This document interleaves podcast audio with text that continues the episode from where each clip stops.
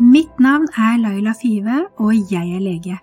Vår hjerne og vårt nervesystem er helt fantastisk, men vi må lære oss å spille på lag med nervesystemet for å få et friskere liv med mindre smerter, mer energi og en bedre balanse i livet. Med denne podkasten ønsker jeg å gi deg kunnskapen og enkle forskningsbaserte verktøy for at du skal få det livet du ønsker.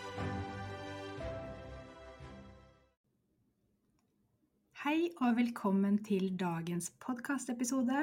I dag skal vi snakke med Ellen Flø Skagen, som veileder mennesker med kroniske nevroplastiske lidelser. Vi hadde en veldig, veldig fin samtale, og jeg håper at du vil kose deg når du hører på denne samtalen. Hei og velkommen til Ellen Flø Skagen. Tusen takk, Laila. Så hyggelig å være her hos deg. Ja, veldig hyggelig at du hadde mulighet til å stille i dag. Det setter jeg veldig pris på. Veldig hyggelig at jeg fikk lov til det. Ja. Eh, og du Ellen, du fant jo meg egentlig på Instagram, for det viser seg at du og jeg driver med mye av de samme tingene. Vi jobber mind-body-basert, eh, nevroplastisk med personer som har nevroplastiske lidelser som smerte og utmattelse. Det stemmer. Så, så, jeg har følt meg ganske aleine i dette feltet ganske lenge. Eller nå har jo ikke jeg holdt på så lenge heller, det er vel tredje året mitt nå. Men uh, da jeg så at du brukte ord som jeg kjente igjen, som handlet om nevroplastisitet og mind-body connection og, og, de tingene som jeg jobber med, så tok jeg kontakt med deg bare for å si hei, fordi det er ikke så mange av oss i Norge enda som tilbyr noe noe kvalitetsopplegg rundt dette her, da. Så altså, jeg er veldig glad for at uh, du er der, for jeg tror, jeg tror vi trengs, jeg, Laila. Absolutt. For det finnes jo ikke noe offentlig tilbud som tilbyr det som vi driver med enda, som jeg vet om, da, i hvert fall. Eh, jeg vet om en del eh, ulike rehabiliteringsklinikker som etter hvert begynner å komme litt inn i samme banene. Men, eh, men, noe utbredt tilbud, det er det ikke enda i dag. Og det er trist. Og jeg tenker at det er så mange som kan ha nytte av denne hjelpen. Og at det er fint at i hvert fall vi kan tilby det til så mange som mulig. At, og ikke minst dele kunnskap om dette her. Ja. Jeg hører jo litt uh, hva folk forteller meg, for jeg har jo samtaler med alle som er nysgjerrige og tror det kan være noe for dem. Og um, da får jeg ofte vite litt uh, hva er det de får høre der ute av ja, på rehabiliteringssenteret, av fastlegen, av fysioterapeuten sin, av psykologen, for å finne litt ut hva er det de sier. Hva er det dere får høre? Og det jeg hører, er at det etter hvert virker som om særlig en del rehabiliteringssentre har ganske oppdatert kunnskap om mind-body connection, og om hvordan eh, vårt ubevisste sinn og vår ubevisste hjerne styrer alt som skjer i kroppen, og at dette, dette er en del av ligningen her. Men, men så sier de at ja, det resonnerer, og det virker fornuftig, men så mangler det litt konkrete verktøy, og det mangler òg en oppfølging når de skal gå i gang med å jobbe på den måten. Så jeg tror vel kanskje det er det, sånn som du og jeg kan tilby, som eh, Det er nok litt mer kunnskap enn før, men det er lite konkret eh, veiledning og verktøy å hente, er mitt inntrykk, da. Mm, ja, jeg er enig i det at de driver mye med, med stressmestring og stressregulering. Og så er det veldig mange av de som nå har tatt i bruk veldig mye mindfulness spesielt. Så det tenker jeg er um, veldig, veldig bra. For veldig mange så trengs det litt mer kjøtt på ja. beinet, eller kunnskap. Mm, og ikke minst, eh, det kan hjelpe et veldig godt stykke på vei, og jeg snakker det veldig opp, for jeg er jo også mindfulness-lærer og bruker det mye. Og har brukt det mye for meg selv òg, og, og, vet hvilken eh, eh, virksomt, virksomt, element det er.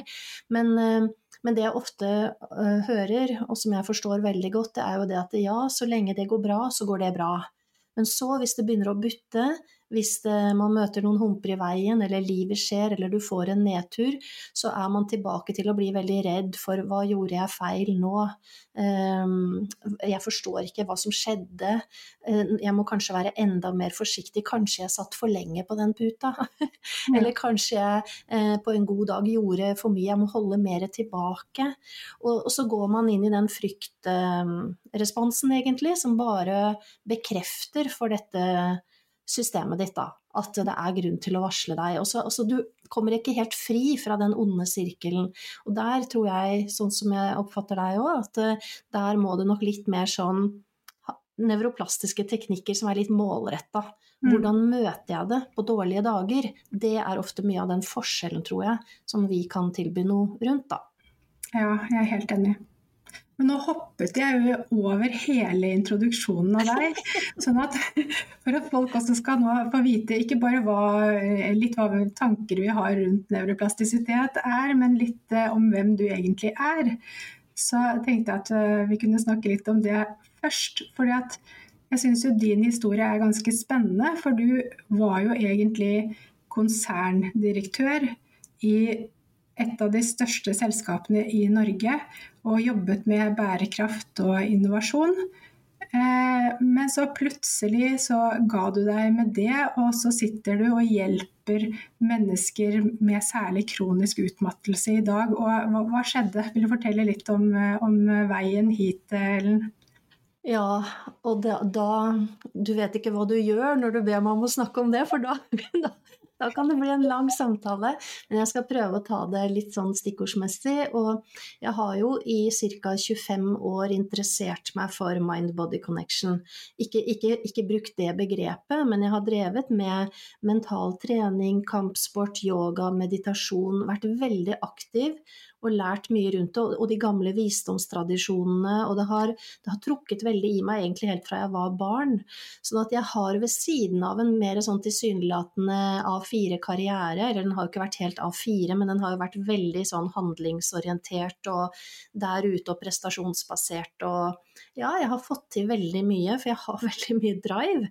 Så det, det, men parallelt med det så har jeg hatt det vi kaller liksom litt den andre siden av meg, som alltid har gått i eh, dybden på ting og villet forstå menneskesinnet, forstå hvordan mennesket forholder seg i verden, forstå øh, Forstå de sammenhengene som ikke alltid er helt oppe i dagen. Da. Det har alltid interessert meg veldig, fordi jeg har kjent intuitivt at det resonnerer veldig for meg. Og så har jeg brukt det ved siden av jobben min og karrieren min og utdannelsen min og alt det andre jeg har gjort, har jeg brukt det som en hjelp for å holde balanse i mitt eget liv. Så det har vært veldig viktig for meg. Men så skjedde jo det at um, et av barna våre fikk en utmattelsestilstand. Det er ca. ti år siden. Og, eh, og da skjønte ikke jeg og vi hva som skjedde i det hele tatt. Og det var liksom introduksjonen til den verden at her er det ingen som har noe god forklaring. Og jeg er akademiker, og jeg er vant til å se etter løsninger. Jeg var leder, jeg var, liksom, jeg var til og med mindfulness-instruktør. Liksom, et eller annet sted her må det jo ligge Det er jo ingenting under solen som ikke kan forklares, det er bare det at vi har ikke funnet svaret kanskje på det ennå. Så jeg godtok ikke helt at ikke det var noe svar på det, og at dette var bare noe man måtte leve med, dette var noe man bare måtte prøve å gjøre så godt man kunne og håpe på det beste det passet ikke mitt gemytt, for å si det sånn, eh, og jeg trodde heller ikke noe på det. Eh, fordi jeg visste at det var mange som var blitt friske, så jeg begynte å lytte helt systematisk til hva de fortalte. Ta på alvor det de sa, og forsøkte å, å ta på alvor det som var en mulig forklaring på at noen ble friske, rent sånn vitenskapelig. Og da oppdaga jeg jo at vi vet ganske mye om disse tingene. Vi vet mye om det du sa som stressrespons, om hvordan vår fysiologi fungerer, om at vi er ett sammenhengende system, og at alt vil påvirke, og at hvordan koblinger i hjernen dannes, og hvordan det styrer alt som skjer i kroppen. Vi vet så mye, men, ha, men samtidig er dette såpass mange eh, tilfeller og nye tilstander som ikke var når jeg vokste opp, i hvert fall så mye. Så jeg tror det har kommet veldig brått på oss, og så glemmer vi å bruke den kunnskapen vi har. Og ikke minst så begynte jeg å forstå hva jeg hadde lært i 25 år fra visdomstradisjoner, som både yogafilosofi og mindfulness og en del andre, en del andre visdomstradisjoner, særlig østlige, som jeg fant den helhetlige inngangen, og også en hel filosofi og psykologi om hvordan mennesket er skrudd sammen plutselig begynte jeg å se ganske klart linken til at de gutta der som satt i en hule i fjellet i 40 år og mediterte, de visste litt hva de drev med. Det bare gikk ikke så fort den gangen. I, i, vår, i vårt liv så, så, så, skjer endringene så mye raskere. Så, så jeg vil si at nevroplastisitet er egentlig 2.0-versjonen av bl.a. mindfulness, men mindfulness er mye mer enn bare å sitte og fokusere på pusten. Mindfulness er veldig mange teknikker og veldig mange verktøy, det er et stort uh, register. Så for meg som vet mye om det, så vil jeg si at uh, nevroplastisitet er egentlig bare det vitenskapelige svaret på hvorfor uh, disse gamle buddhistene visste hva de snakka om. Så ja, det ble jo, som jeg advarte deg om, lang, et langt svar. Men eh, jeg kom til et punkt hvor jeg i jobben min som jeg hadde, var ukependler. Jeg hadde en hybel på Løren i Oslo hvor jeg var i fire år. Ehm, eh, vi, kom oss gjennom den perioden med sønnen vår når jeg begynte å forstå hvordan dette hang sammen. Og så ble datteren vår fikk en kyssesyke, som veldig mange ungdommer får.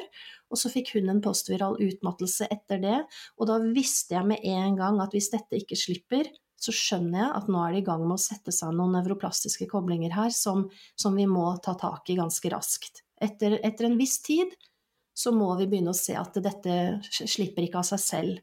Kroppen klarer ikke restituere av seg selv og regulere. Og så etter at vi opplevde det, og det er jo en tre-fire år siden, det var da jeg begynte å tenke dette her er eh, kunnskap og erfaring og livserfaring og verktøy som jeg vet at jeg er i stand til å forklare. Jeg hadde også ansvar for kommunikasjon. Kommunikasjon og journalistikk har vært hele mitt liv fram til eh, jeg begynte i næringslivet. Uh, og, og, ledelse og kompliserte ting, og ikke være redd for å si at noen må faktisk ja, prøve å sette dette i et system, for det, dette er komplekst, men det må gjøres enkelt. Og dette er det så mye følelser og usikkerhet og frykt rundt, og sårbarhet og smerte, at her må du trå veldig varsomt. Så jeg følte jeg fikk uh, bruk for alt jeg hadde lært, både i den ene karrieren min, men også i den visdomstradisjonen som jeg er en del av, og min egen erfaring i familien. Så da kom det til et punkt at kanskje det er det jeg skal gjøre. Kanskje det er det jeg skal gjøre etter at jeg slutter å sitte i konsernledelsen. Og det var det. Og det er det jeg har gjort nå i snart tre år, da. Og angrer ikke én eneste dag. Jeg angrer ikke ett sekund. Det er noe av det mest meningsfulle og gledesfylte jeg, jeg har gjort i mitt liv. Ja, jeg er enig. For man kan gjøre så stor forskjell, ikke sant. For mm. mennesker. Som egentlig har vært fortapt veldig lenge òg. Ja, det der å få lov å se at eh, Og det er jo ikke sånn at de behøver å være klienter hos meg heller, men jeg merker det bare når jeg snakker med folk, at liksom, det er akkurat som lyset går litt på. Mm. Det er sånn ah, ja, men dette er jo logisk. Hvorfor er det ingen som har forklart meg dette før? Dette går det jo an å forstå. Ja. Dette, går det jo an å, dette gir jo mening. Jeg kjenner jo med hele meg at det resonnerer. Og da kan man kanskje i hvert fall plante et frø. Og da sier jeg alltid bare la det frøet få spire litt nå, la det modnes. Søk kunnskap, les. Følg Laila eller meg på Instagram. Få med deg podkaster. Følg de brødsmulene som du kjenner du har lyst på. Mm. Og la det veilede deg, og la det modnes. Fordi det er en modning. Fordi mange opplever at den måten vi prøver å undervise i at man kanskje skal møte disse tilstandene på, selv om de er veldig logiske for oss, så er de litt annerledes enn det man kanskje har fått fram til nå. Mm. Uh, og det, da, da, da, må man snu om litt i hodet, og man må være villig til det, fordi man kjenner at her kan jeg ikke bli, her jeg er nå. Nei. Jeg kan ikke være her, jeg må tenke eh, noe annet, og da må jeg følge det som resonnerer for meg. Mm. Og jeg er helt enig i det der, for jeg møter jo mange i allmennpraksis som aldri har hørt om nevroplastisitet eller stresslidelser før. Um, og så kommer de til meg, og um, hvis det er en sånn, de kommer til meg med et vondt kne, da er det ofte at de, de ser litt rart på meg. Men, men, men, hvis de kjenner seg igjen i det der med stress og, og kanskje har en del sånne lidelser, så føler jeg at de, de, forstår det veldig raskt. Og de skjønner det, og de ser det. Og de er veldig takknemlige for at jeg har uh, sett det på den måten, og forklart det på den måten jeg gjør. For de, de, sier til meg at hvorfor har ingen leger noensinne nevnt dette her for meg før? Veldig, de syns det er veldig rart, for det er så logisk for de med en gang intuitivt. Mm. Og det tenker jeg at det er mange som kommer til meg med f.eks. hvis de fra tidligere har migrene og IBS, og så kommer de med stikkende smerter i brystet f.eks. Da vet jeg med en gang at eh, når jeg har utelukket selvfølgelig sykdom, men så vet jeg at ok, du har to nevroplastiske lidelser her fra før av. Og nå kommer du med stikninger i brystet. Hva skjer? Hva skjer i livet ditt? Hva, hva er det som stresser nå? Mm. Og jeg har aldri uh, vært ute for at jeg ikke har plukka opp på at det er et eller annet veldig stressende som skjer i livet til den personen der og da. Og, og det gir jo veldig mye mer trygghet å vite at ok, det er kroppen min som er i et uh, i et økt stress nå. Det er nervesystemet mitt som begynner å sende ut uh, faresignaler. Det er ikke noe galt med meg. Nei, og, og, det er jo det samme jeg uh, erfarer også når jeg snakker med folk og, og, følger folk gjennom denne prosessen. Og i tillegg til det, så, så er det jo alltid sånn at eh, noen ganger er det en direkte sammenheng mellom stress og eh, plager. At de forsterker seg i perioder med stress eller på ulike påkjenninger. Da. Det kan være mentalt, fysisk eller emosjonelt. Ja. Um, og noen ganger er det lett å se. Og andre ganger er det veldig vanskelig å få øye på, fordi det er ikke lenger noen direkte kobling, kanskje, mellom eh, eh, at det er noe stress der som forsterker plagene, eller noe sånt noe, men det kan ligge langt tilbake, og nå har det bare satt seg som en hard kobling som ikke lenger henger på greip. Det var kanskje ikke noe sånn som, eh, sånn som f.eks. en som gikk hos meg, som kjente at han fikk eh, eh, en del symptomer av å drikke Jeg lurer på om det var Pepsi Max eller noe sånt noe. Og da dro det på seg med urimelig mye eh, utmattelse, stikking i, si, stikking i tærne, kløing i øret. Altså det var helt sånn, det hadde ingenting med den Pepsi Max-en å gjøre. Og angst og alt mulig. Men da å vite at ja, det er jo ikke noe stressende å drikke Pepsi Max. Hvis man hadde spurt jeg opplever du mye stress nå, nei, jeg tok meg bare en Pepsi Max. Men det handler jo om at systemet kjenner at noe av det koffeinet som utløser adrenalinet, eller det hormonet som minner om det som skjer når du har høy puls, f.eks. Det å gå opp en bakke som gir litt høy puls, er jo ikke farlig, men for kroppen og systemet ditt så er det hormonet så likt det som er hvis du møter en farlig løve. Og da, at til og med en kopp kaffe kan utløse det samme. Det vil jo mange med angst også fortelle. Mm. Så det er jo ikke alltid sånn at vi skjønner det, men det er alltid en grunn. Og hvis vi går litt dypere, så vet vi at dette systemet det tolker på egen hånd for at, det, for at du skal slippe, og for at du skal være trygg. Så vil eh, dette systemet tolke alt som ligner på det som var den farlige løven. Det kan være hvor sola sto på himmelen den dagen du møtte den løven, det blir en utløser i neste runde. Eller hvordan det lukta rundt der det var. Det bør ikke være noe løve der i det hele tatt. Og det er da det kan være vanskelig å få øye på at det er en direkte sammenheng. For den er mer indirekte, men den er der. Mm. Og sånn er det jo veldig ofte med mange med migrene, at de begynner å reagere på sterkt eh, lys eller sollys. At eh, det blir en kraftig trigger. Og det, det har jo med at hjernen har lært seg et mønster og tror at eh, sterkt sollys er farlig. ikke sant? Og ja. da sender du ut massevis av smerte. Så det at hjernen lager litt sånn feilkoblinger, det er jo ofte vanlig når man får nevroplastiske lidelser. Ja, og, og dessverre da at hvis det da ikke får det korrigert, men, men tvert imot bekreftet, fordi du begynner å unngå sollys, du begynner å grue deg til at det er sterk sol, du begynner å utstyre deg med alt mulig for å unngå at det skal skje, mm. som jo er helt rasjonelt. Det er jo sånn det skal være egentlig. Men det blir jo òg den bekreftelsen dette systemet trenger på at det er riktig å varsle deg når det er sollys. Mm. Så neste gang kan du være sikker på at det skjer igjen, og kanskje til og med hvis det er månelys, altså.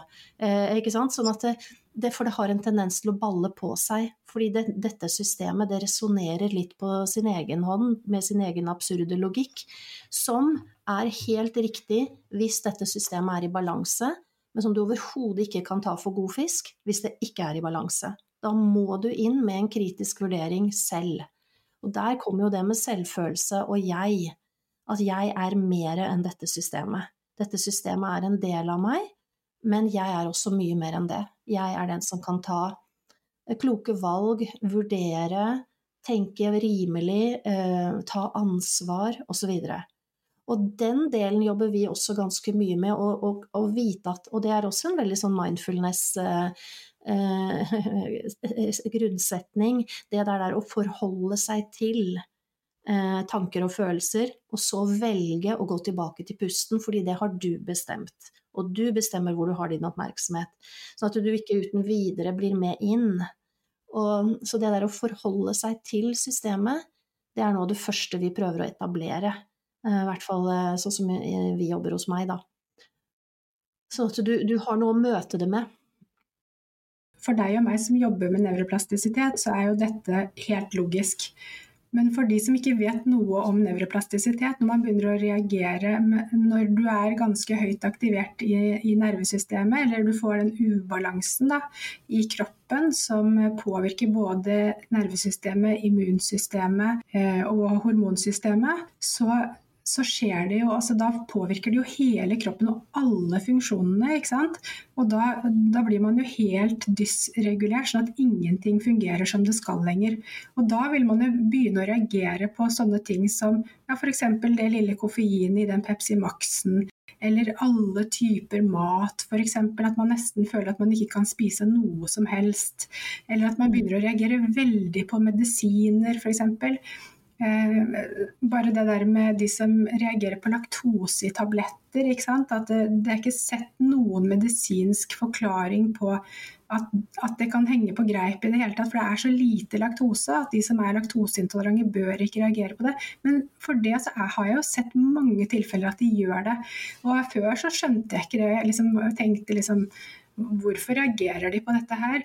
Men nå har jeg jo skjønt at det er pga. at aktiveringen er så høy. At eh, det er de nevroplastiske mm, mekanismene som setter inn at man reagerer på minste lille ting. Og mer på antibiotika, mer på alle typer tabletter som de får. At, um, at, det er så irregulert, irregulert at at på en måte alt som du putter inn gir altså den enda mer økt aktivering og enda mer ustabilitet i systemet. Ja, og det er jo det liksom Det blir en sensitivering, da. Man blir mm. hypersensitiv. Og det er jo eh, en fantastisk eh, egenskap til vår hjerne som har gjort at vi er i live gjennom eh, evolusjonen. ikke sant? At eh, det hjernen har en følelse av at kan være farlig for deg, det går fullt fokus ditt.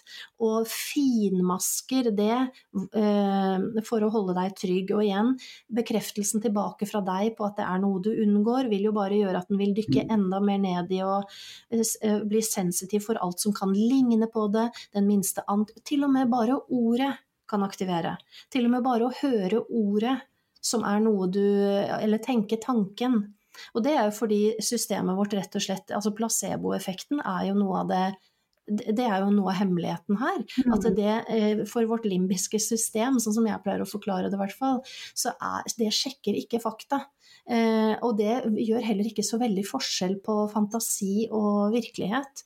Så, så, så, alt det vi vet om hvordan du kan tenke på en sitron og kjenner at det, det trekker seg sammen bak her, eller du får sommerfugler i magen av å glede deg Ingenting har skjedd. Du bare gleder deg. Ja. Det skjer alt i ditt hode. Mm. Det viser jo at det er en fysisk respons på hver eneste tanke, hver eneste følelse, hvert eneste ord bærer en mulighet i seg som systemet ditt, hvis det er sensitivt, og ellers så vil respondere på. Det er bare at hvis du er sensitiv, vil du kjenne det bedre, men, men alt virker.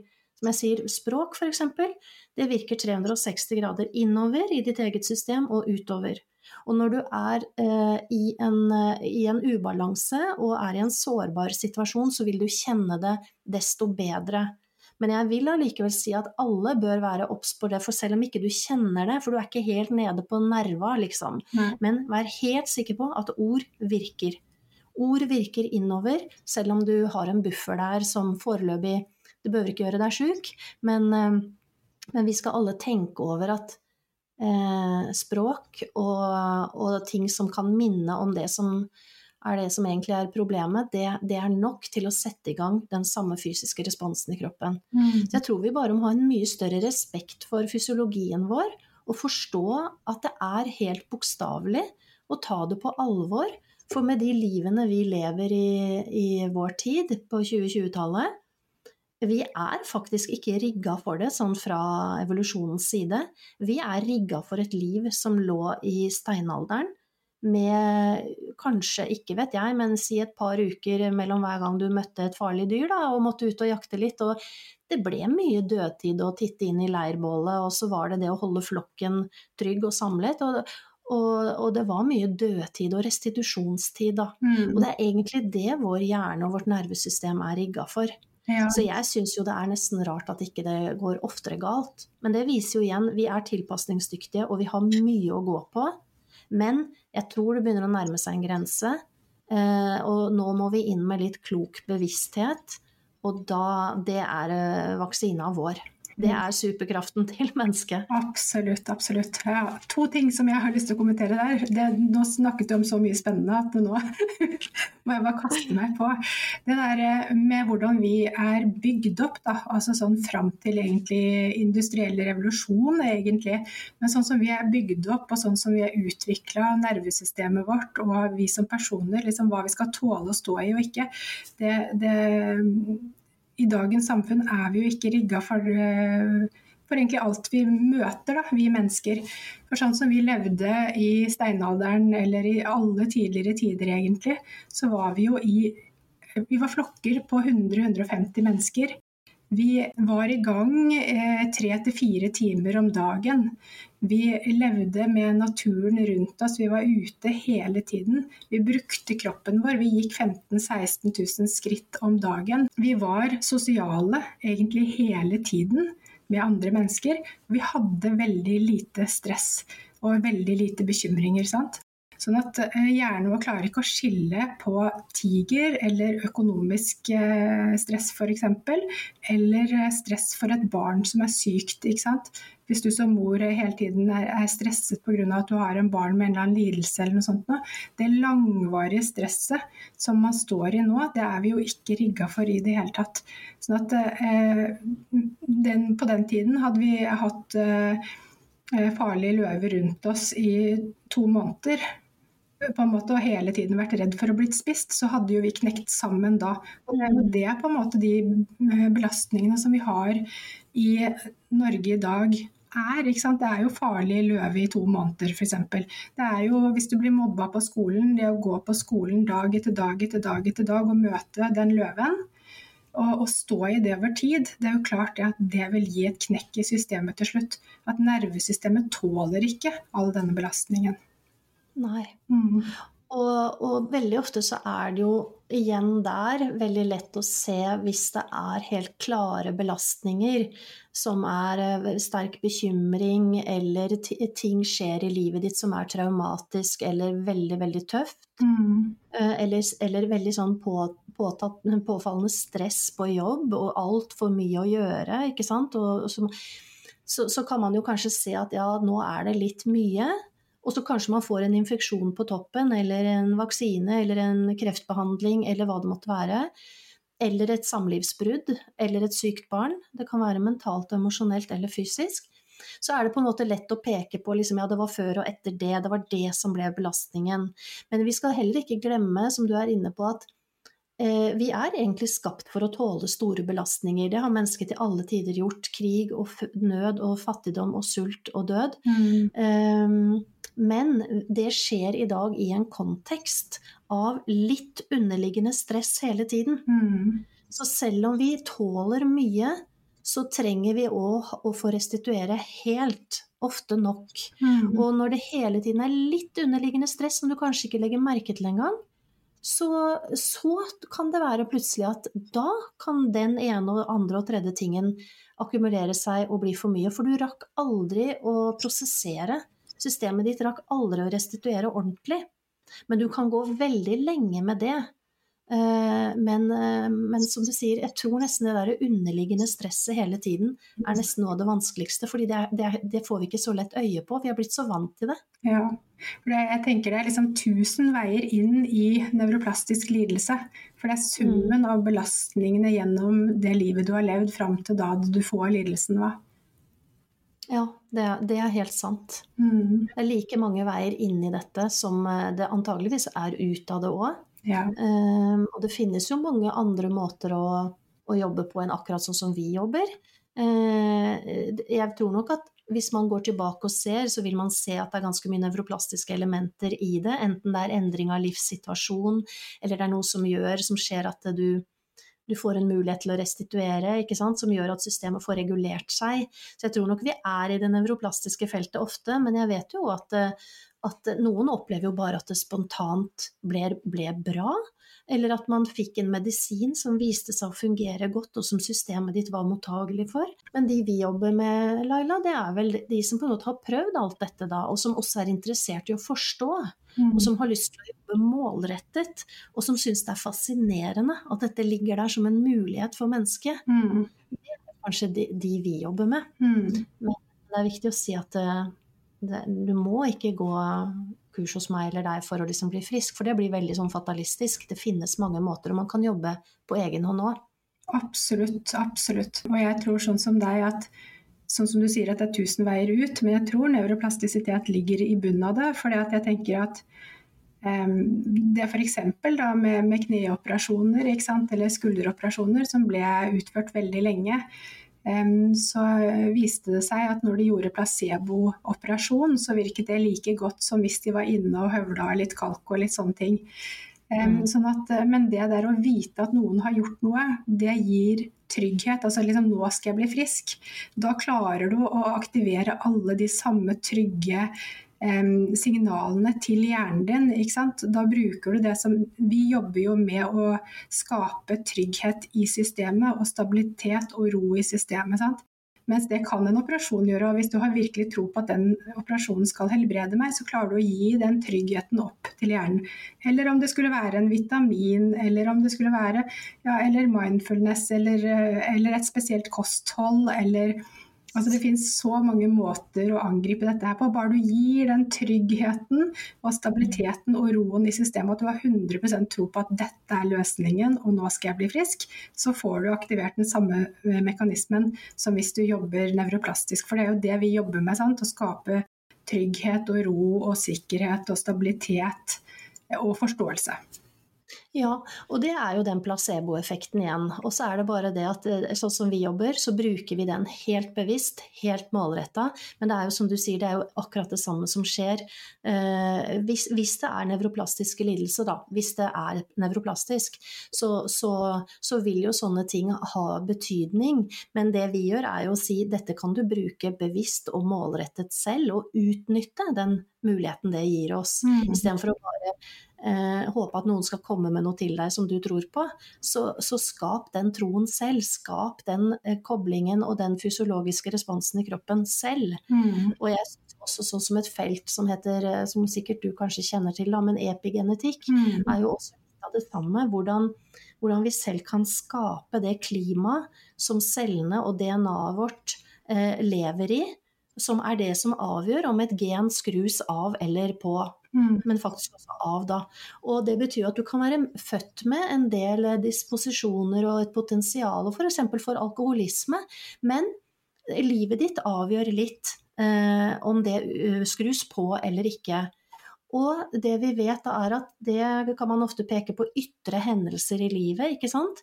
Men vi vet at det som trumfer ytre hendelser, det er det indre klimaet du skaper. Det vil være enda sterkere Eh, signal til cellen din om det skal skru det på eller av. Sånn som jeg forstår det, nå er jo du medisinsk ekspert her, men jeg syns det er så mange interessante felt, medisinske forskningsfelt, som drar i samme retning. At det klimaet vi skaper inni oss selv, det er eh, det som trumfer det meste.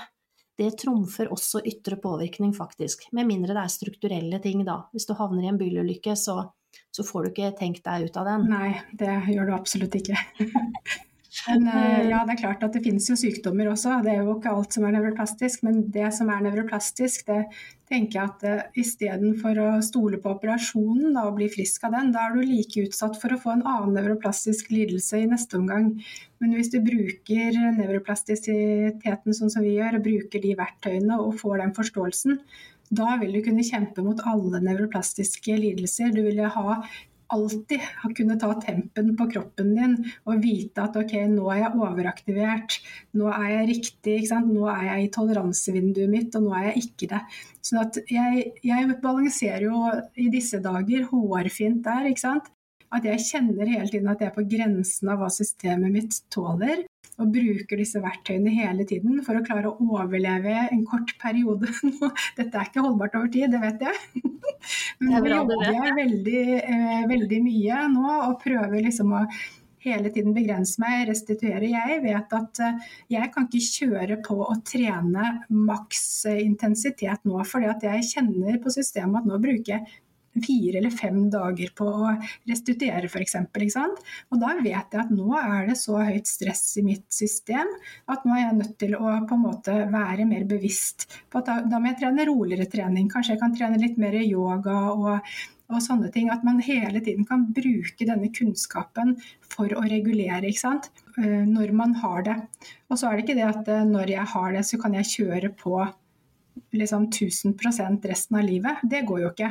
Eh, men når man, skal, når man har eh, mål om å liksom holde ut når det er snakk om en måned eller noe sånt nå, og hele tiden er klar over hvordan man skal jobbe for å holde, eh, for å holde seg innenfor toleransevinduet, så er det klart at da, da vet man at man også kan jobbe i et høyt stress. Og hvordan man skal regulere det, og hvordan man skal jobbe for å ikke gå over. ikke sant? Ja, det er nettopp det, og det der snakker vi litt om inne hos meg også. Og det er jo det der med at du velger jo selv hva slags liv du vil ha. Og det er igjen tilbake til den selvfølelsen. Hva vil du? Hva hvordan skal ditt liv være? Og, og, det må du på en måte få lov å sette ord på, og det er det du vet at sånn vil jeg det skal være. Og så vet vi jo at livet drar oss av og til ut av den, kall det komfortsona, eller sånn som du gjerne skulle ønske at det var ja, du får ikke restituert nok etter den eh, flyturen fra USA, eller det, det, det, ble litt overtid på jobben nå, eller nå ble både moren min og datteren min syk samtidig, og jeg står i fare for å miste jobben. Du får ikke valgt de tingene. Nei. Og da vet du at nå må jeg gått utenfor det som er det livet jeg egentlig vil ha, men jeg vet òg at jeg trenger ikke bli syk av det, for jeg har teknikker som gjør at det går fint, det er trygt, og etterpå så kommer vi tilbake til der hvor vi skal være igjen. Så det er jo først når du begynner å unngå å tenke at jeg tåler ikke at det er sånn, det går fint nå, men hvis det blir litt for mye stress på jobb, da blir jeg syk, det tåler ikke jeg. Og da tenker jeg, da er du ikke fri. Nei. Fordi eh, du må, du må ha et liv som du stoler på er bærekraftig. At eh, sånn er det. Og så tåler du de avvikene, fordi sånn er livet. Mm. Og det er der ha gode teknikker og en trygghet i bånn, mm. sånn at ikke det gjør deg sjuk. Og jeg kjenner meg igjen eh, jeg kan jo gi et eksempel på meg sjøl. Jeg gikk og tenkte på det her om dagen, at jeg også har ganske mye nå. Og jeg merker veldig på meg selv at um, hvis jeg kjenner at jeg har sittet og jobbet en hel dag, veldig intenst, hatt mange samtaler, kanskje noen tunge ting har skjedd, eller jeg føler meg stressa, eller så kan jeg kjenne på slutten av dagen hvordan kjemien i kroppen min er dårlig. Jeg kjenner at jeg får lyst til å gråte, jeg kjenner at jeg har vonde følelser. Jeg kjenner at jeg syns det var at det kom, Og når jeg har det, så kommer òg tankene. Nei, dette her, hvordan skal jeg Nei, dette her er ikke noe gøy, eller hvordan skal jeg få til det, eller dette kommer aldri til å få Altså, jeg kjenner jeg får negative tanker, og jeg kjenner kjemien i kroppen. Jeg kjenner den igjen med en gang, og når jeg kjenner det For det første så gjør jeg jo fornuftige ting sånn som du gjør. Da tenker jeg nå, nå stopper du å jobbe, og så gjør du noe annet. Men øh, jeg bestemmer meg òg der og da for å ikke lytte til en eneste tanke som kommer da. For de tankene som kommer da, de får meg ingen steder, de bare lar jeg passere. Nå bare venter du til denne kjemien begynner å slippe taket, til du kommer litt i hektene igjen. Dette går over. Og så kan du begynne å tenke over om du skal gjøre noe annerledes. Mm. Eller om det var Ikke sant. Så det å, det å gjenkjenne, som du sier, eh, hvordan mitt system reagerer når det begynner å bli den ubalansen, det blir man ganske god på etter hvert. Altså, jeg kjenner det igjen med en gang. Mm. Og da vet jeg det lureste jeg kan gjøre for meg, som ofte merker det mentalt og emosjonelt, det er å gjøre noe i den fysiske sfæren. Mm. Jeg går på trening, det hjelper meg å skifte kjemi i kroppen. Det tvinger meg til å ha oppmerksomheten om noe annet. Og jeg kjenner ofte at kjemien er skifta ut når jeg kommer fra trening, men jeg kan fortsatt gå rundt og være sur og grinete og sånn. Og jeg vet at i morgen blir det bedre. Men ikke, en, e, ikke ta for god fisk en eneste tanke du tenker nå. Nei. Du kan ikke på noe av det som kommer nå. Ja, ikke sant? Det, og det kjenner nok veldig mange seg igjen i, for det er veldig mange som er overaktivert ikke sant? På, på kveldene.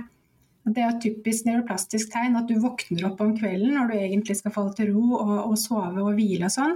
At da blir man overaktivert, og så begynner bekymringene og tankekjøret og de irrasjonelle tankene ikke sant? som gjør at ikke du får sove og sånne ting. Og så våkner du neste morgen og så er det sånn hva var det jeg egentlig tenkte på i går? Altså, altså da, da, skjønner du det ikke, ikke sant? Og så kommer kvelden igjen, og så er du der igjen. Mens hvis du har disse her eh, nevroplastiske verktøyene, så vet, da vet du jo ok, hva, hva, er det som holder på å skje nå. Å ja, det er det som skjer, ja. Ok, men da kan jeg liksom gjøre eh, den justeringen som skal til for at dette her ikke skal bli et system på kveldene. Mm. Eh, Istedenfor å bli bekymra for at ikke du får sove nok, eller begynne å stresse for at, at kanskje du trenger hjelp til søvn, eller um, sånne ting. At du, du, vet at ok, nå er det dette som skjer, dette er ikke mm. farlig.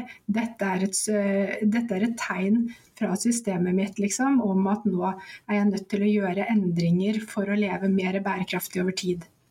Det er nettopp det. Og derfor er jo jeg også litt sånn ehm, eh, forsiktig med, for min egen del i hvert fall, å gi for mye pekefinger og råd om hva man bør og ikke bør. For jeg tror jeg vil mye heller at folk skal finne i seg selv hva er et godt liv for deg? Eh, og vi er òg forskjellige av gemytt og natur og temperament, og, og, har ulike sterke sider. Og det eneste er at samme hvilken sterk side som, og ressurs du har som er din sterkeste ressurs, den vil alltid òg ha en mulig skyggeside. Så hvis du er sånn som meg, og kanskje deg, som har veldig mye sånn drive og vil mye og jobber hardt og elsker å få til ting og sånn og sånn og sånn, vi må passe ekstra på skyggesiden av det, nemlig at det blir en autopilot som du alltid gjør. Du skal mm. alltid gjøre ting perfekt, og det skal alltid bli ekstra bra. Og folk begynner å forvente at det er det.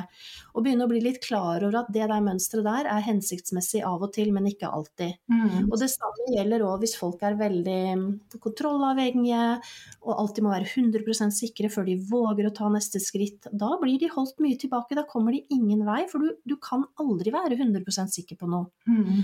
Eller en type som kanskje er alltid veldig medfølende og varm og empatisk med andre, setter andre foran, det er ikke så farlig med meg. Det er en fantastisk egenskap i mange områder. Mm. Men det kan òg være at du da ikke står opp for deg selv når det er nødvendig, og sier fra at nei, det der vil ikke jeg ha noe av. Mm. Så er, sånn er det med oss alle. og ja, så jeg tenker at det er eh, man, man må bli ganske godt kjent med seg selv, og så må man ha alltid den høyere bevisstheten som observerer det som utspiller seg. Eh, og vite at fra det perspektivet så kan du alltid vurdere er dette hensiktsform, eh, hensiktsmessig for meg. Mm. Får meg dit jeg vil, mm. eller holder det meg der jeg er? Mm. Det der jobber vi masse med i kurset mitt også. at eh, fordi at når, når, folk får øynene opp for hva som er, så er det mange som blir litt sånn lei seg. og bare, ja, men jeg har gjort dette her mot meg selv, eller det er min skyld at jeg har blitt sånn, liksom. Og da jobber vi mye med at nei, det er jo ikke det, men vi må jo Dette er jo i utgangspunktet positive egenskaper som du, eh, som du har. Men du må lære deg å bruke dem på en klok måte. At det er ingen egenskaper som bringer deg inn i nevroplastisitet som er negative. Alle de er superpositive. Det er kjempebra. Det er liksom en ressurs å ha det. Men du kan ikke bruke det ukritisk. Du er, liksom, eh, du er nødt til å Fordi at eh, det er ofte mye i en eller annen retning, ikke sant. Du kan ikke mm. bruke det ukritisk. Du er nødt til å vite hvordan du skal regulere det på riktig måte for at det skal bare bli positivt for deg, og ikke negativt. Og det tror jeg er litt igjen med det samfunnet og det, det livet vi lever i moderne tid. Det er alle muligheter til å overdreve overdrive en sterk egenskap. Og det kan bli stimulert og applaudert og, og oppmuntret eh, veldig mye, enten det er på jobb eller hjemme eller på idrettsarenaen eller i sosiale medier. Det er liksom så utrolig mange fantastiske muligheter til å eh, styrke dine sterke sider, mm. men det er like mange da eh, det motsatte. Desto flere muligheter til at det òg er det som kanskje blir ditt, eh, din svakhet. da. Ja. Og igjen var det nok ikke så mye før, fordi at eh, man trengte alle egenskaper i en flokk og i et samfunn. Eh, men det var ikke så intenst hele tiden at den egenskapen ble dyrket døgnet rundt. Eh, sånn som det krever. Jeg husker jo selv når jeg satt i en, toppledelsen og, og, alt det der der. Du dyrker jo typer, og, og, du er på jobb døgnet rundt med den egenskapen som har fått deg dit. Mm så blir det så, så, mye av det samme. Vi blir så sårbare da, og så mm. er det lett å miste gangsynet da. Men det er så viktig du sier om at uh, man må aldri tro at jeg, jeg, har det som en egen Du trenger ikke forandre deg. Du skal bare hente fram flere sider av deg selv og hente fram en større del av ditt register. Mm. For vi har alt i oss. Men for å leve rasjonelt så har vi dyrket noen mønstre, for det gjør det lettvint å leve og være i verden. Mm. Men du må være klar over at hvis du skal leve bærekraftig, så må du av og til også si at nå velger jeg å ikke følge den autopiloten. Jeg henter fram en annen side som ligger i motsatt ende av skalaen, eh, og viser systemet mitt at jeg har det på registeret òg. Og hvis, du, hvis, hvis, systemet ditt merker at du tar sånne valg, bevisste valg, så vil det begynne å få tillit til deg og begynne å tillate at hun der der, hun vet hva hun driver med. Hun skal få lov, jeg trenger ikke skru på alarmknappen, hun tar vare på seg selv. Mm. Så, så, det er det igjen, igjen, jeg sier det, bevissthet det er menneskets eh, supervåpen i 2023. Eh, og Absolutt. Og vi trenger det så mye. For det er, liksom, det er jo krav til oss hele tiden fra alle, alle sider rundt oss. ikke sant? Og det å, å ta vare på seg selv og være um, bevisst, egentlig. Um, mye mer enn det vi er i dag. Det tror jeg er så viktig, for hvis ikke så brenner vi oss fort ut. Fordi vi er mm. skapt sånn at vi skal liksom Når vi får positiv tilbakemelding, eller når vi klarer noe eller oppnår noe, så skal vi liksom gjøre mer av det. ikke sant? Mens, eh, og det er jo greit hvis du bor eh, i en eller annen hule ute i skogen, liksom. Eh, det der at du klarte å skaffe hare til middag, liksom, og gjøre mer av det. ikke sant? Men, men det funker ikke så bra når du har altså, Det er skoleprestasjoner eller jobbprestasjoner, hjemmeprestasjoner. altså det, det er hele tiden. Jeg tror vi, kanskje vi damer er eh, ekstra sårbare der, og det er vel sikkert derfor det er mest damer som får nevroplastiske lidelser. At vi, eh, at vi eh, vi kan få veldig Vi tar til oss veldig mange av de der positive tingene. Og så, og så er vi veldig flinke til å lære at uh, vi må gjøre mer av det, ikke sant? Ja, vet man det? At, uh, at kvinner får mer, er mer utsatt for det? Absolutt. absolutt. Kvinner er uh, Med utmattelse f.eks. så er det jo 70-80 som er kvinner. Og kroniske mm. smerter, smertelidelser også, er det 70-80 kvinner. Mm. Jeg merker i hvert fall at jeg snakker jo med Jeg har tatt en sånn rask eh, statistikk, og av, av, alle de som jeg har hatt igjennom hos meg, så er det nok en 15% menn. Ja. Så det er noen. Men jeg ser at um, Uh, og, jeg, og, jeg, og, av de jeg snakker med som ikke nødvendigvis blir med, så er det ganske mange menn. Så jeg vet jo at det er menn der ute, og det er også en del unge, unge menn. Mm. Vi hadde jo en gutt selv Eh, på 16, som nå er voksen. Men, og jeg vet at det er en god del uh, unge menn og gutter som ligger og, hjemme fra skolen, men man kaller det kanskje noe annet. Kan, for jeg tror at disse, den generasjonen og disse ungdommene våre, de er en litt annen type enn det vi var sånn tradisjonelt som kvinner og menn. Det er i ferd med å endre seg litt, men jeg tror fortsatt det er litt at man helst vil at det skal være noe strukturelt, og at det er veldig vanskelig å snakke om hvis det er noe, noe annet. Så, men eh, ja, jeg tenker at eh, vel, de får bare de får bare uh, krype til korset og se at de er bare mennesker, de òg. Ja. Det her kan jo ramme uansett. Men jeg tror at menn, er, altså menn har oftere fysisk arbeid. Mm. og når de mm. får nevroplastiske lidelser, så får de det ofte knyttet til arbeidet sitt. Sånn at hvis de jobber mye med skulderen, så får de vondt i skulderen. ikke sant? Sånn at, eh, fordi at eh, hjernen skaper jo ofte smerter der den tror det er mest sannsynlig at du skal få smerte. på en måte. Sånn at hvis du jobber mye med skulderen eller jobber mye og er på beina hele dagen, så får du vondt i beina, og jobber du mye med skulderen, så får du vondt i skulderen. Og menn har jo mye oftere fysisk arbeid, og jeg tror at deres nevroplastiske lidelser ofte gjemmer seg i det. Mens damer mm. får mye mer oftere hodepine eller magesmerter og magevondt eller fibromyalgi eller kan gå i utmattelse eller sånne ting, enn å få de mer enkle korsryggsmerter eller skuldersmerter eller knesmerter eller hoftesmerter som, som menn ofte kan få. Det er veldig interessant, og derfor så tror jeg egentlig at det er en del som er fordekt. Mm. Eh, som kalles eh, skulder- eller senebetennelse eller hva det måtte være. Mm. Som faktisk kan være nevroplastisk.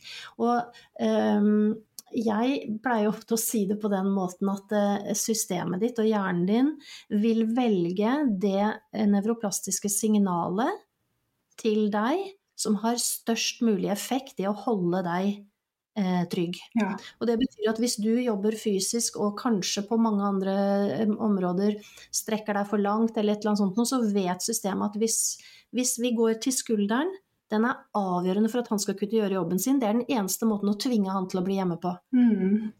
Hvis han ikke har skulderen, så får han ikke jobbet, og da eh, alt, Ingenting annet funker. Mm. Mm. Alt er bare blåser i det og går på jobb allikevel, ikke sant. Mm. Så det er ofte må snakke det språket. Det er jo det som er så fascinerende å se. Hvordan mm. hjernen vår bruker det språket, enten mentalt, emosjonelt eller fysisk, som er best egna til å holde deg der du er, dvs. Si beskytte deg da, i gåseøynene. Ja.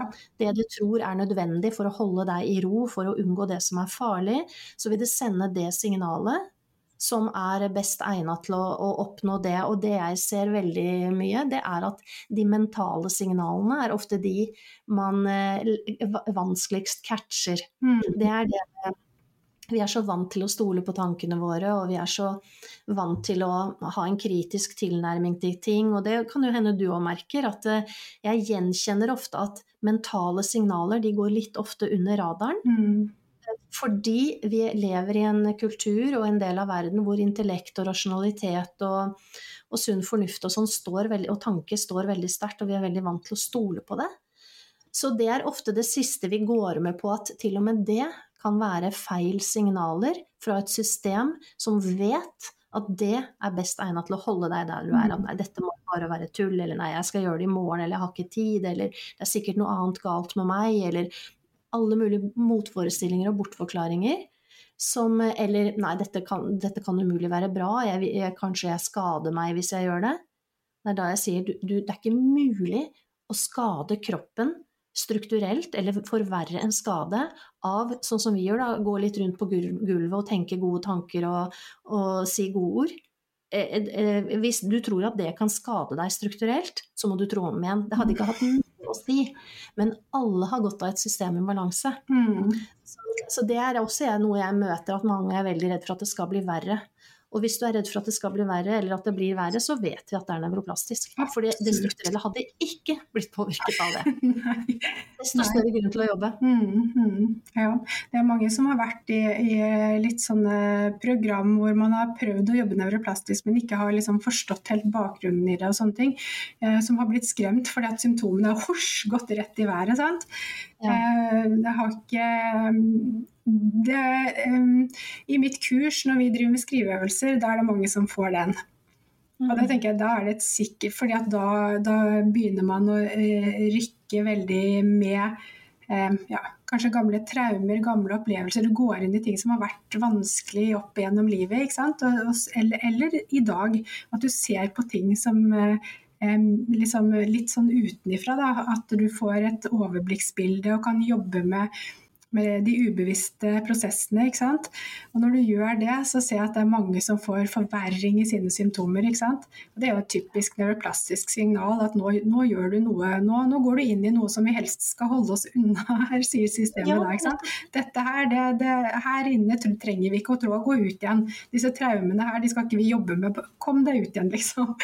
Ja, og det, og, og det vil også gjelde de fysiske tingene. At når noen begynner å si at ok, jeg har lyst til å kunne gå en tur tur mm. eh, etter middag uten å måtte være utslitt resten av kvelden eller måtte betale for det neste dag, eller jeg har lyst til å kunne ta meg en dusj eller følge barna på håndballkampen, eller mm.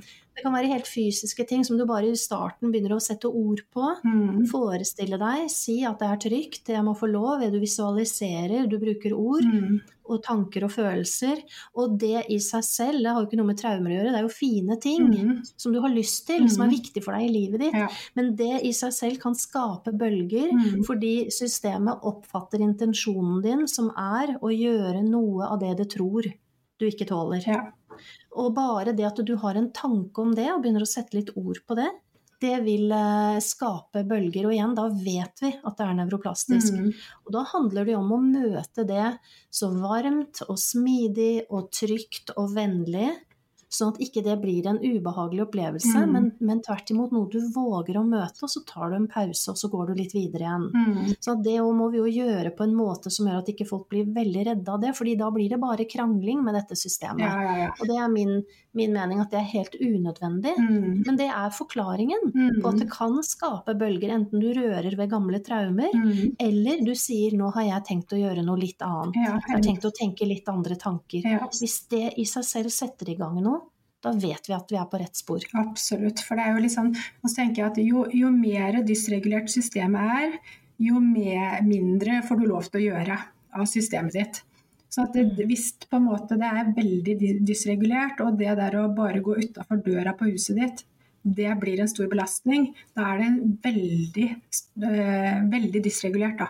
Mens hvis det skal mer til, f.eks. å gå på en tur i fem timer, så får du vondt i kneet ditt, liksom. Kan være nevroplastisk det også, men da er det liksom systemet sier ifra der, og da er det mye enklere. Det er ikke så kompleks nevroplastisk lidelse som hvis det skal, øh, er problemet for systemet ditt å bare tråkke utafor døra di, f.eks.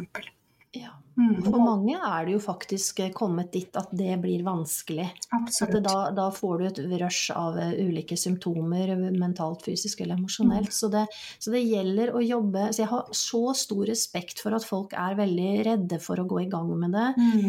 Eh, eller usikre på om det er lurt, eller i tvil om de kommer til å Tenk om jeg ikke får det til? Igjen mm. den selvfølelsen. Jeg, jeg, har jo ikke noe jeg skulle ha sagt i dette her. Jeg har, erfaringa mi er at samme hva jeg gjør, så blir det feil. Så man har så lite gode erfaringer i å kunne påvirke dette her. Men igjen, vi må bare starte fra der du er. Mm. Og så må du få kunnskap, og så må du få litt sånn veiledning på hvordan du kan begynne å bygge bygge dette eh, skritt for skritt. Mm. Og hvis du gjør det, så er min erfaring at da går det bare framover. Mm. Min erfaring også. For du kan ikke bli der du er. Nei, og det tenkte jeg at vi skulle snakke litt om. Eh, fordi at det er mange med disse kroniske neuroplastiske lidelsene som får beskjed om at eh, ja, dette her vi, vi kan, du, du, får prøve å hvile og få litt balanse og stresse ned og, og sånne ting. Så får man liksom se litt hvordan, hvordan det går. Men eh, nå har jo du tre år erfaring med kurset ditt, og jeg har begynt å få erfaring med kurset mitt. Og um, Ellen, sier du at folk blir frisk, kan bli friske eller mye, mye bedre av det arbeidet de gjør hos deg? Å oh, ja. er det et spørsmål i det hele tatt? Nei, vet du hva. Det, nei, jeg, men, det, men, det, er klart det at det er viktig å spørre. Det er klart det er viktig å spørre, og, men vet du hva, det er Det er jo det er jo sånn at jeg ser det hver eneste dag. Og det, også de som er inne hos meg, er jo, som man sier i Bergen, må, månebedotten. ikke sant, mm. Himmelfallen. Mm. Fordi at det, det, er så utrolig konkret og fysisk, og det kan gå så fort. Og jeg sier ikke at det blir fort stabilt, fordi det er en ganske sånn mange autopiloter du skal bytte ut, og mønstre du skal jobbe med og sånt. Men de første erfaringene gjør de fleste ganske tidlig. Uh, I hvert fall veldig mange, ikke alle, men veldig mange gjør, og det er òg veldig inspirerende for andre å se.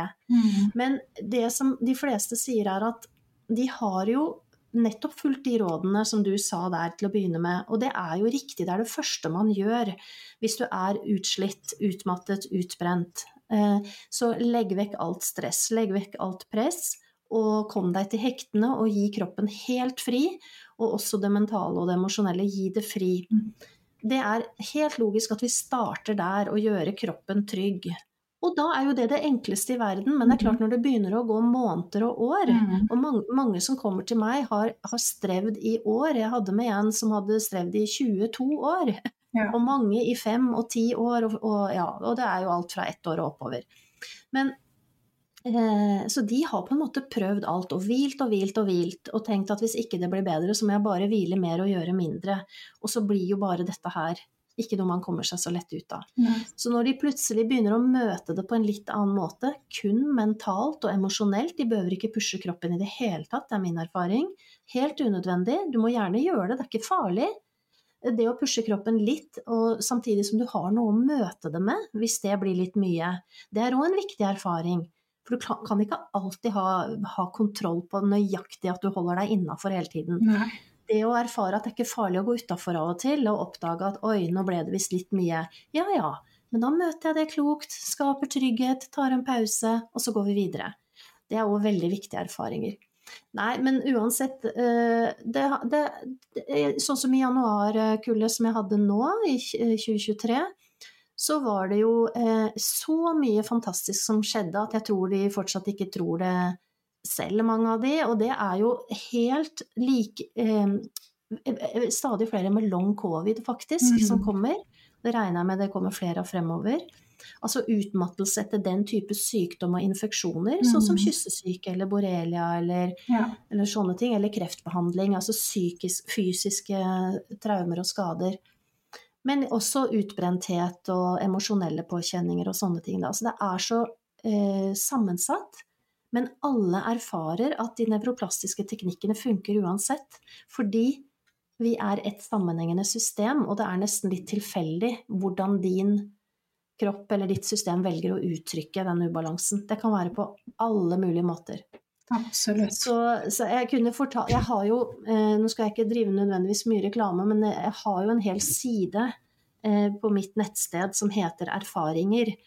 Og jeg kunne, den lista den er, begynner å bli veldig lang, og jeg kunne lagt til veldig mye mer der. Men det jeg har lyst til å si, er at alt jeg og du, eh, tror jeg, deler av det folk erfarer, det må dere bare tro er 100% sant. Og sannsynligvis så er vi til og med litt nøkterne for å ikke smøre for mye på for at ikke det skal virke som om det er eh, helt usannsynlig. Ja.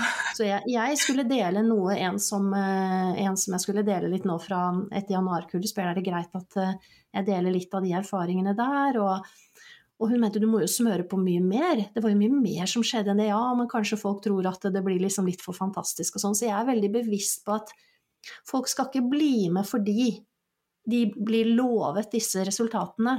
Nei. Fordi vi vet ikke hvordan din prosess blir. De skal bli med fordi denne kunnskapen resonnerer for deg. Ja. Og Derfor så er jeg litt sånn forsiktig med å dele for mye, for da kan man bli med på feil grunnlag. Fordi alle har sin individuelle prosess, og vi må bare ta den som den kommer. Men den kommer til å gå framover hvis mm. ikke du gir deg. Mm. Og, og så velger jeg faktisk å dele mye mer inne i veien tilbake og inne i stø kurs, som er der hvor de kan komme etterpå. Der er vi hemningsløse. Der har jeg video på video og samtale på samtale og live-samtale eh, etter livesamtale, fordi der inspirerer vi hverandre, og alle der vet at det folk forteller der, det er sant, og de har erfart det. Og de tror det, og de har erfart mye selv òg. Så derfor så, så der inne har vi ingen hemninger. Men ute så er jeg litt forsiktig med å si eh, at eh, folk kan liksom riste litt på hodet og tenke at det er tull. Men det er jo ikke det. Nei. Nei. Det erfarer vel du òg? ja, nei da. Jeg har ikke opplevd noen som ikke har blitt eh, bedre eller bra i mitt kurs enda, men jeg har jo ikke så lang erfaring enda. Da. Men det er klart at jeg ser jo at dette her virker, og det er derfor det er så gøy. ikke sant? At det er derfor jeg jobber med dette her og slipper mange av de andre forpliktelsene mine, eller ikke slipper de da, men Eh, prøver å komme ut av de andre forpliktelsene mine, sånn at jeg kan holde på mer med dette her. For jeg elsker jo ting som gir altså, store resultater, da. Jeg er veldig resultatdrevet, for å si det sånn. At når jeg får store omveltninger på kort tid, da er jeg Ja, da elsker jeg eh, hverdagen, for å si det sånn. Så mm. jeg ser jo at dette her er kjempebra eh, for de som går inn i det. Men du kan ikke gå inn i det og tro at det er en lett løsning, eller du kan ikke gå inn i det for å tro at noen skal fikse deg. For det er kjempemye hard jobb. Altså, de, jeg er jo så imponert over de som går inn i dette her med hud og hår og sjel og alt, holdt jeg på å si, og virkelig ta fatt i prosessen. De er så imponerende mennesker hva? som mm. tør å utfordre dette her dysregulerte systemet sitt og, å gjøre den jobben som skal til. Og det er ikke Jeg holdt på å si Ja, det er veldig, veldig, veldig imponerende jobb som de gjør. Jeg tror nok òg at øh, vi som erfarer dette, og de som er deltakere hos oss og som gjør veldig gode erfaringer og sånn, man er faktisk òg litt sånn redd for at fordi det, det vet jeg fra denne liksom litt sånn debatten rundt øh, hva som er hva, og, og, hva som er mulig å få til.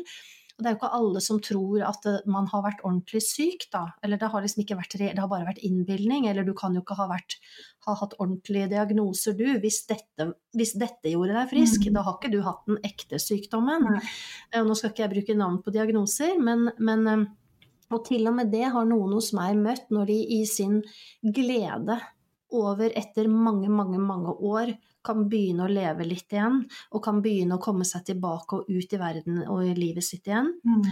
Og deler det med, ja, på sin egen Facebook-profil eller med andre, og så de, har de faktisk opplevd å få tilbake at å ja, men da var du nok ikke ordentlig syk, for dette kan du nemlig ikke bli frisk av. Nei. Og vet du hva, det er Altså, jeg advarer nesten litt. Vær forberedt på at hvis den kommer, så skal du òg kunne møte det. Mm. Uh, uten at det setter deg ut av spill, uten at det vipper deg av pinnen. For henne så ble det en opplevelse som sendte henne litt ned igjen. Mm. Fordi uh, hun ble i tvil, mm. og ble sånn Kan det stemme? Og hun ble så lei seg, og det var så skuffende, og hun var så glad, og så ble det sånn kontrast. Så derfor så sier jeg inntil du er veldig stabil og på trygg grunn, så, så vær litt forsiktig. Mm. Fordi det er så mye følelser i dette hos mm. andre. Mm. Eh, og så mye frykt. Mm. Så, så, jeg tror det er også litt av grunnen til at en del sier jeg er veldig glad på mine egne vegne, og de som vet, de vet. Men eh, det er òg mange som ikke forstår eller vil forstå, mm. eller som syns dette høres skummelt ut. Og vel, eh, jeg skal ikke prakke noe på de. Nei. De får gå sin vei. Og sånn er litt min holdning. Alle må finne sin egen vei. Sant? At jeg tenker at dette her er ikke noe du blir påprakka. For at, uh, gjør du det, så, så vil den sannsynligvis kanskje ikke ha effekt. Da, hvis det er noe som du liksom trykker ned over hodet på folk at det er ofte tenkt at hvis dette her skulle være et sånt Nav-opplegg, liksom, så hadde det jo mm. vært virksomt for halvparten, men halvparten hadde jo ikke fått noen virkning i det hele tatt. For de hadde ikke vært klar for det, de hadde ikke vært motivert, de hadde ikke, de hadde ikke trodd på det. Altså, ikke sant? At dette må være noe som kommer innenfra, noe som man forstår at uh, kan kanskje stemme for en, liksom. Sånn at uh, det, jeg tror det er viktig at motivasjonen kommer innenfra, og, og at man på en måte ja, er motivert til å begynne den prosessen. Ja, nettopp. Og da er det litt som jeg sier, det er at det blir med for the right reasons. Blås i mm. alle andre. La dette bli med fordi det resonnerer for deg og mm. din sunne fornuft og dømmekraft og logiske sans, og så tar vi det derfra. Og så, og så ser vi hvordan det blir. For ellers så kan man begynne å si 'hvorfor skjedde ikke det med meg', som du skrøt av at noen andre opplevde. Vet du hva? Fordi dette er en helt unik og individuell prosess for alle. Ja. Stol på at du kommer til å få din prosess, og fokuser på den. Mm. Men ja, dette eh, vi kanskje snakke om Snakka lenge.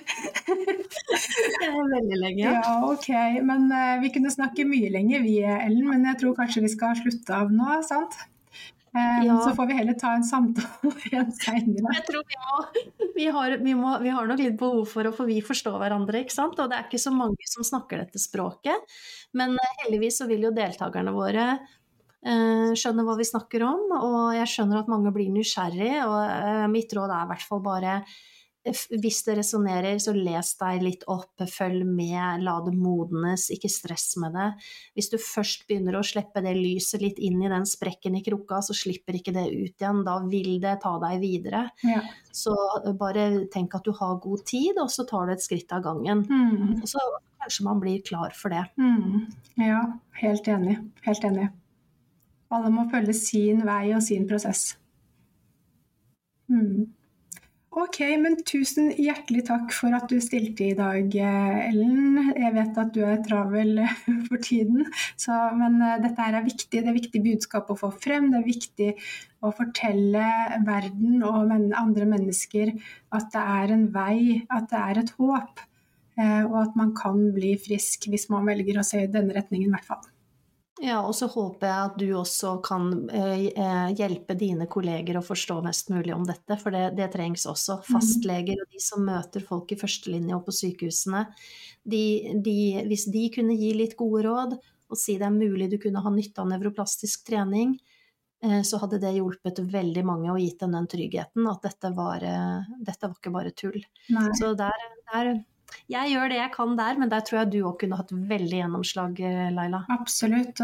Det, tar, det, er veldig ofte jeg blir kontaktet av leger, og fastleger også, som er kjempenysgjerrige på dette her, og som gjerne vil lære mer. Og det var en av grunnene til at jeg startet denne podkasten, for at man skal spre kunnskap rundt disse tingene her. Sånn, for jeg kan ikke sitte og lære opp én og én lege.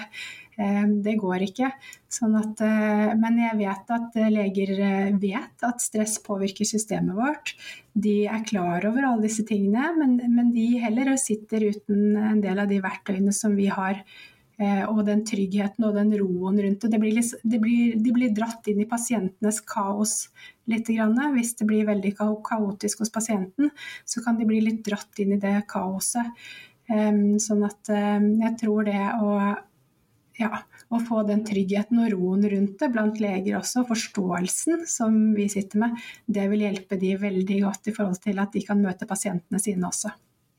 Bare lyst til å nevne helt på tampen hvis det er tid, at jeg har jo med stadig helsepersonell, psykologer, helsesøstre, sykepleiere.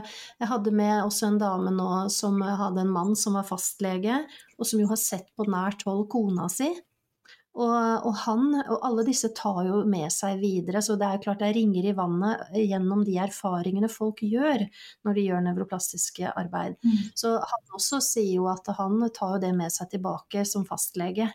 Det han har sett hos sin kone, og han har begynt å sette seg inn i dette, og han leser alt og spør om alt, og, og begynt å anbefale dette og sånn. Så det er jo på en måte gjennom erfaringene at dette her eh, må bare, det må jo bare gå en vei, og det vil det vil bli ringer i vannet, det er jeg ganske trygg på. Absolutt. Absolutt. Ok, takk for at du stilte, Ellen. Så da snakkes vi mer om dette her senere, og kanskje du stiller en gang til. Så ja, tusen takk for nå. Ha det godt. Da var samtalen med Ellen Flø Skagen ferdig, og jeg ville bare legge til at du kan finne Ellen på veien tilbake nedestrek Ellen Flo Skagen på Instagram, der hun har en konto hvor hun aktivt legger ut innlegg og forteller om nevroplastisitet og sitt kurs. Og du kan også finne henne på mindfulmentor.no. Ha en fortsatt nydelig dag til alle fine lyttere der ute.